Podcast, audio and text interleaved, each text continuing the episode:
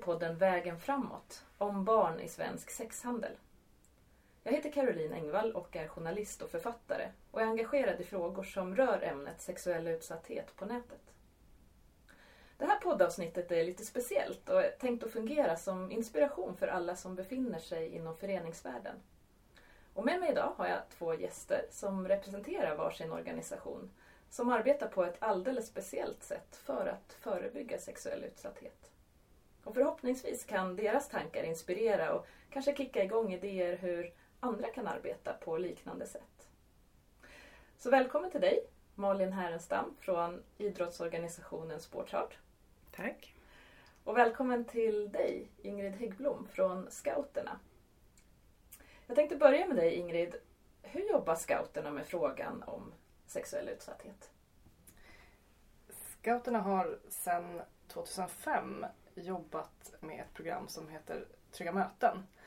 Ehm, och eh, från början när man startade Trygga möten så ehm, hette det, det hette Uppdraget mot övergrepp. Ehm, så fokus var liksom att börja arbeta preventivt och liksom motverka sexuella övergrepp ledare till scout. Alltså det var det som man liksom hade eh, fokus på i början. Sen genom åren, nu har det gått mer än tio år, eh, så har Trygga möten liksom vidgats att in, alltså innefatta inte bara sexuella övergrepp utan även eh, alltså alla former av kränkningar, eh, diskriminering, mobbning. Så att målet med Trygga möten är liksom en, en verksamhet som är fri från övergrepp och kränkningar. Och att grunden i det liksom är att barn har rätt till en trygg fritid. Så att det är ju som sagt ett ganska vitt liksom, program som vi försöker så här, um, fånga upp allting som kan um, motverka att barn är trygga på sin fritid. Men i det finns ju då uh, sexuella övergrepp. Ni var ju ganska tidiga inom scouterna och började arbeta med det här ja, redan för tio år sedan.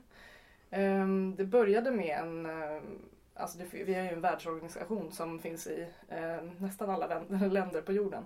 Eh, men eh, Eh, så det började med att man i, på en eh, konferens, en världsscoutkonferens i England så tog man fram ett, alltså ett beslut att vi måste börja jobba med de här frågorna. Men sen var Sverige ganska snabba på att liksom um, börja jobba aktivt mot, um, med det här. Eh, och det var en styrelse som fanns, eller, de styr, eller generalsekreteraren som var um, på den tiden. Han och eh, Karin Grundberg Sandell då, som jobbade på Scouterna eh, tog tag i det här och verkligen så här, vi, vi vill jobba med de här frågorna. Så att eh, man liksom så här, gick in ganska ehm, vad ska man säga, eh, effektivt liksom från början. och Tänkte så här, men det här är superviktigt för att kan inte vi eh, liksom, det spelar ingen roll hur bra scouting vi kan erbjuda med liksom, äventyr, kompisar, friluftsliv så. Om vi inte också, alltså om det inte också är, tryggt. Ehm, så att från början så tänkte man så här, ehm, vi behöver, ehm, liksom hur ska vi angripa de här frågorna?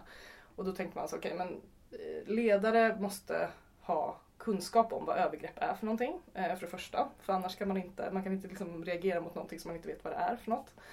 Eh, och sen har ju vi ledare från alla typer av, liksom, det är inte, det är inga proffs på barn som blir scoutledare. Det kan vara att man har ett intresse och liksom, eh, av friluftsliv och vill liksom lära barn det. Men man kanske inte har kunskap om barnpsykologi och hur man pratar med barn som mår dåligt. Så därför behöver man ha liksom en, en, få en grundkunskap kring det eh, för att kunna motverka det här. Eh, och sen också ehm, tänkte man att så här, okay, men vi, och sen så om det väl händer någonting så behöver man också ha någon att vända sig till. För det är jättesvårt det skapar liksom, eh, kan ju bli kriser liksom, i scoutkåren när, om man upptäcker att någon ledare har eh, gjort någonting och hur, eh, det kanske är en person man, man har känt eh, länge som har eh, och man kanske har svårt att liksom greppa att, att den personen skulle ha gjort någonting. Ehm, så då behöver man också någon. Så vi har ju dels då den här utbildningen som eh, är en webbkurs framförallt för ledare.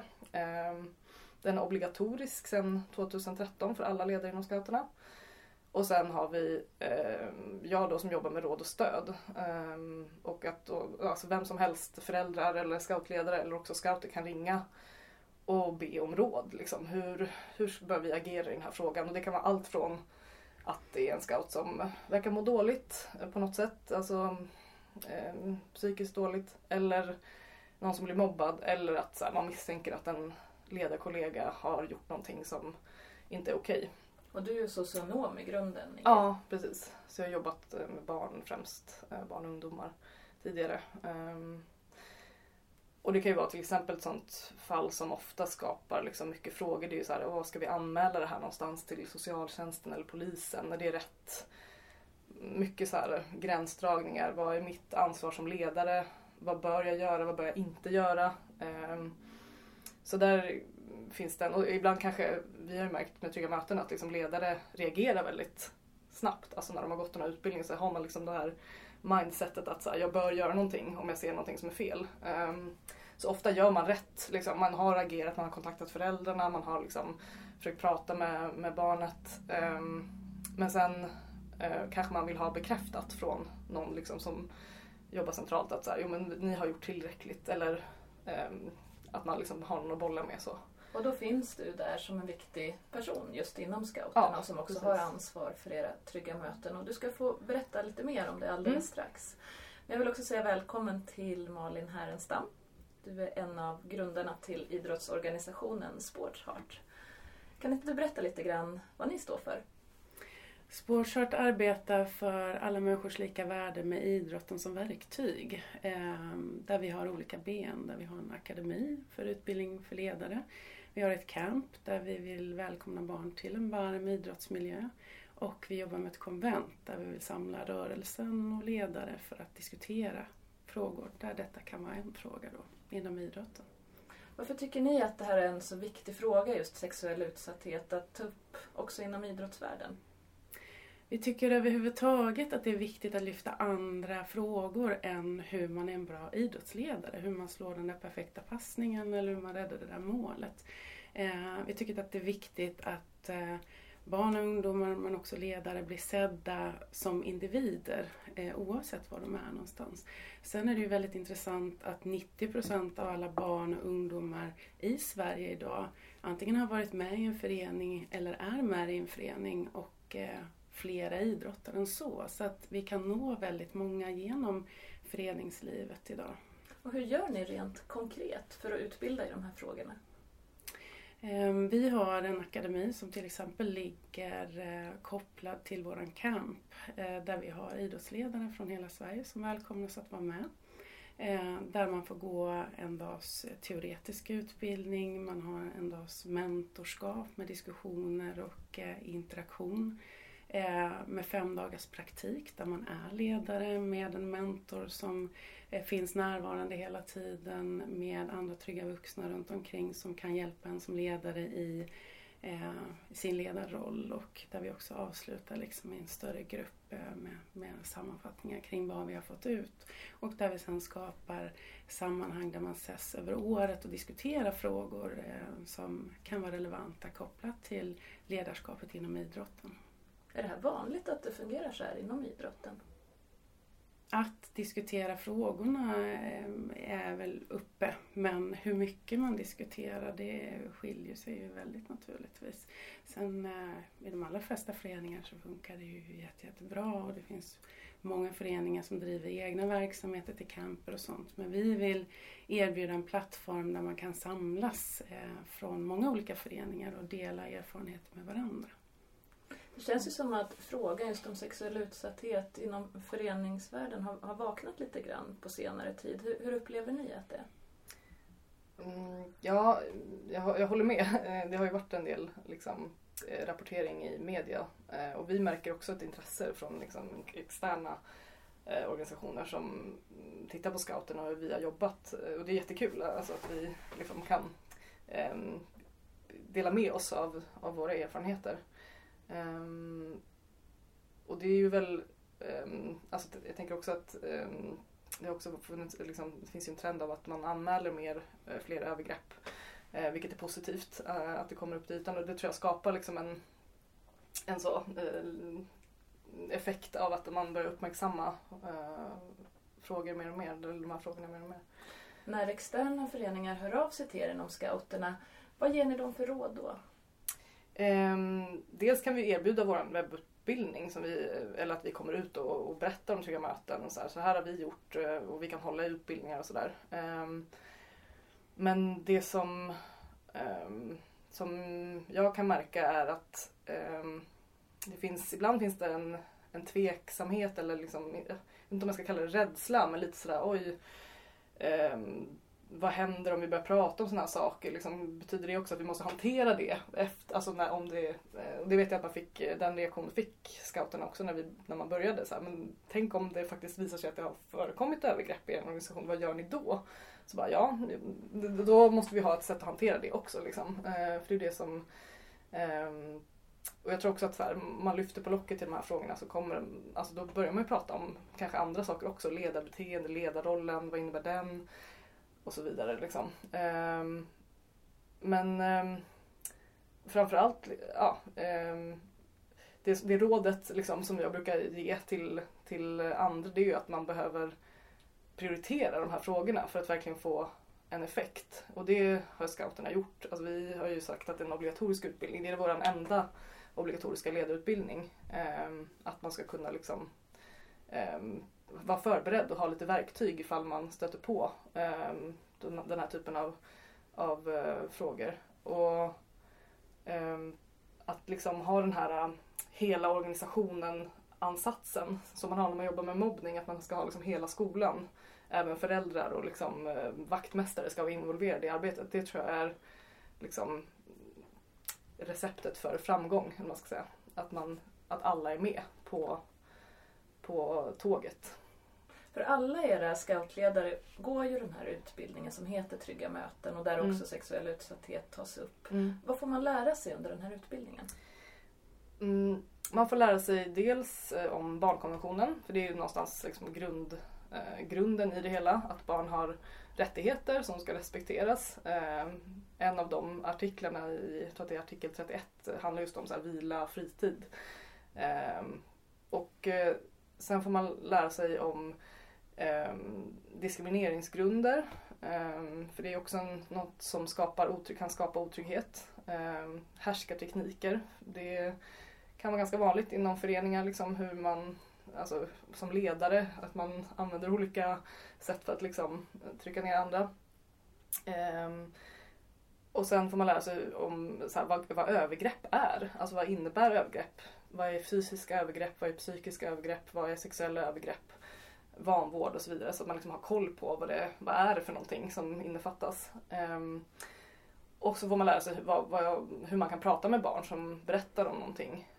Um, vad bör man säga, vad bör man inte säga? Att man inte ska lova att man kan eh, hålla det hemligt om man får någonting berättat för sig. För det kan ju vara att man behöver polisanmäla. Um, och sen också hur man, hanterar, hur man kan hantera det inom föreningen. Ehm, sen finns det också ett avsnitt som handlar om just eh, hur gör jag om jag behöver anmäla till polis eller socialtjänst. Hur går den processen till? Ehm, så det är ja, kort sammanfattat liksom. Malin Härenstam, du jobbar ju med Sportsart som också är engagerad inom de här frågorna inom idrotten. Vad var det som fick dig att förstå att det här var viktigt att jobba med? Om man tittar statistiskt sett så sjunker antalet eh, eller åldrarna på barn som är med inom idrotten. Det är faktiskt så lågt som 11 år idag, att man slutar med idrotten vid 11 års ålder. Eh, och för mig är det chockerande och också se att det händer, det sjunker väldigt drastiskt, har gjort det under de senaste åren. Eh, så det var för mig en sporre till att titta på men vad skulle man kunna göra här och varför är det så? Eh, det är ju också så lite grann som Riksidrottsförbundet pratar om att man lär ut läsförståelse i skolan men rörelseförståelse är också viktigt. Och när man tänker hälsa så ingår ju den fysiska hälsan i det. Eh, oavsett hur man eh, eh, rör sig så är det viktigt att röra på sig och det är viktigt att må bra psykiskt och att de här delarna hänger ihop. Eh, därav så alltså tycker vi det är viktigt att lyfta eh, både eh, det idrottsmässiga men också den här psykiska hälsan då, som påverkas av olika faktorer där det här naturligtvis är en. Både scouterna och Sportshurt har ju läger där barnen sover över tillsammans med ledare och, och vuxna personer ibland. Vad har ni för rutiner för att just eh, minska risken så mycket som möjligt för att barnen ska bli utsatta för någonting?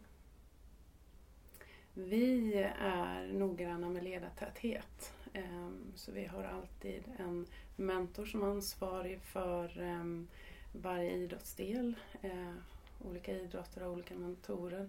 Vi har en gruppledare som är väldigt van eh, ledare och som vi också har en personlig kontakt, relation med på något sätt eh, i varje grupp och eh, dessutom en hjälpledare eller ungdomsledare som är med. Ehm, där vi har som viktigaste kriterier att det är varma personer. I nästa steg kommer hur ehm, ehm, välutbildade de är på sitt ledarskap och i idrotten och sådär. Eh, och där är vi också väldigt noga med att eh, när man sover över och så vidare att det är könsindelat eller del, indelat utifrån barnens önskemål om det är något sådant. Att till exempel det är två tjejer i ett hockeylag som gärna vill sova med killarna så har vi kanske något litet loft där de kan känna att de är nära men ändå får egen tid. Vi ser också till att det är flera ledare som sover med barnen, att det inte bara är en. Och som sagt att det finns eh, andra vuxna runt omkring som är lite grann husansvariga eller har, har övergripande ansvar. Hur tänker ni på scouterna kring just sådana rutiner? Det är lite liknande, just att, så här, att inte vara ensam ledare. Att man, har liksom en, att man har tänkt innan man åker iväg någonstans. Eh, så att det inte blir att man hamnar, eh, okay, att, ja, att det blir liksom få, att man är ensam. Um, och sen också brukar vi Ehm, vi har lite sådana mallar man kan följa inför att man ska åka iväg. Eh, där man kan liksom analysera lite så okej okay, här ska vi ehm, här är det bad, ehm, om man ska byta om, eh, vad kan man göra det så att man inte, alltså att det finns liksom lite risktänk kring olika aktiviteter också checklistor kring aktivitet. Vi gör ju massa olika lekar och det är liksom och då har vi lite checklistor där man liksom, olika punkter man kan tänka igenom. Kan det här upplevas eh, liksom, kränkande för någon eller är det någon som kan tycka att det här är obehagligt? så. Um, och i, i, det finns ju också tänk kring att um, ja, kanske om det är att man ska, det är någon lek man ska röra varandra. Finns det något i det som vi behöver så här, se över så att det inte blir eh, fel? Vi är noga också med hur vi hanterar mobiltelefoner så att man då inte har mobiltelefoner under träningar utan de samlas mm. in av ledaren. De figurerar aldrig i omklädningsrumsmiljöer mm. eh, som vi vet kan vara otrygga av naturen och sådär. Eh, utan att man har en mobilstund där, där ledaren är väldigt medveten om att nu har barnen sina mobiler och nu har vi lite extra koll. Vad har ni inom scouterna för mål med Trygga möten, er utbildning? Målet, är, alltså visionen med Trygga möten är ju en verksamhet där inte övergrepp och kränkningar förekommer. Och sen tror jag att i det någonstans tänker vi nog att en utbildning och en metod är inte ett vaccin mot, eh, mot att det aldrig kommer hända någonting. Utan vi, det är ju ett arbete som alltid måste fortgå. Alltså vi måste ju alltid jobba med det här hela tiden varje dag. För att annars, för det kommer nya ledare och det kommer nya scouter och eh, vi måste hålla det aktuellt hela tiden. Men sen med utbildningen så Eh, alltså, visst man lär sig om barnkonventionen och sådär eh, men målet är egentligen att, att man ska vara medveten om att i vår verksamhet så kan det förekomma övergrepp och kränkningar eh, och vi behöver agera om det händer någonting. vi ska inte sopa någonting under mattan utan händer det någonting så, så, så har vi ansvar att liksom ta hand om det. Vad har ni fått för respons från era ledare när de har tagit del av den här informationen och utbildningen? Väldigt positiv. Eh, för oss eh, när vi har satt, vi gör ju en del utbildningar ute i landet, men när vi sätter utbildningen kopplat till våran camp också så får du ju en extra hävstång.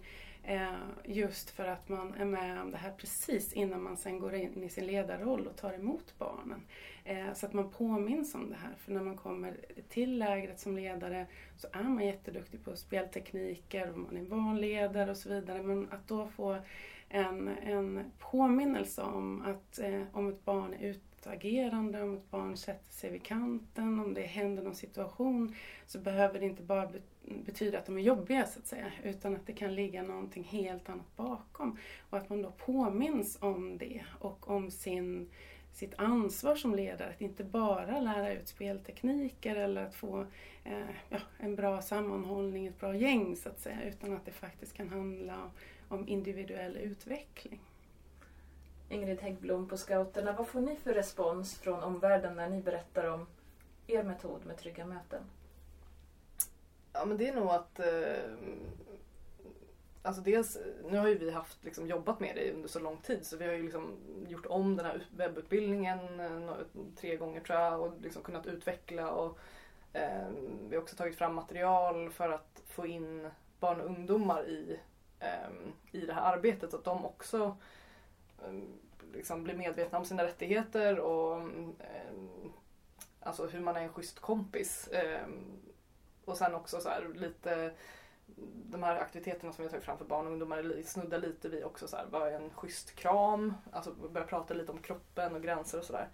Ehm, så att vi har ju liksom kunnat mm, Vi har ju ett ganska gediget material liksom, runt det här och det ehm, tycker andra att så här, oh, men gud vad bra, det här är ju precis det vi behöver. Um, också att det är ganska lättillgängligt med, med en webbutbildning. Alltså man behöver inte så, se till att alla kommer till en plats och ett ställe liksom en viss tidpunkt. Och, utan det är så här, man kan göra det när man har tid. Um, och det gör ju också att det liksom är lättare att ställa det kravet att man ska gå den. För det är svårt att ursäkta. Liksom. Hur lång är utbildningen? Den är ungefär, det beror lite på hur lång tid man behöver på sig men det är ungefär två och en halv timme.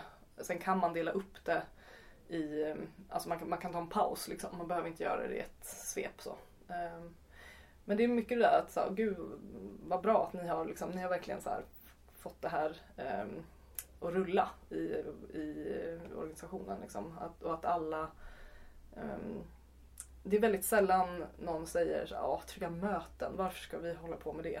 Ehm, för att det var ett väldigt tydligt statement när man bestämde, 2013 bestämde man att det skulle vara obligatoriskt för alla ledare vart tredje år. Och det blev liksom som en eh, väldigt här, tydlig signal ut i hela organisationen att det här är superviktigt och vi måste prioritera det här. Och det, det är den liksom, responsen jag får från våra ledare. Liksom att så här, ah, men det, här, det här måste vi eh, fortsätta med för det är liksom det viktigaste vi har någonstans. Och jag tror att alla som lyssnar på det här avsnittet, det finns ju ingen som kan tveka kring varför det är viktigt att, att arbeta med den här frågan. Och ni fungerar ju lite grann som inspiratörer här för andra. Vad är era bästa råd till eh, de som lyssnar som kanske känner att ja, men det här vill vi börja jobba med i vår organisation? Jag tänker att man behöver ja, sätta det högt på agendan och tänka så här, okej okay, vi kan erbjuda en superbra aktivitet men så här, vad, vad annars är liksom viktigt i den här organisationen? Jag tänker också att det är en trygghet för att som ideell ledare ha, ha den här utbildningen så man är lite beredd och man vet också var man har organisationen någonstans. Um, om någon ringer till oss så kommer vi ju backa dem. Liksom. Vi kommer inte säga så här, ah, men det där struntar i det där. Det, och så får de liksom sköta det själva och lösa det eh, på lokal nivå. Liksom. Utan vi stöttar ju liksom varandra i det här.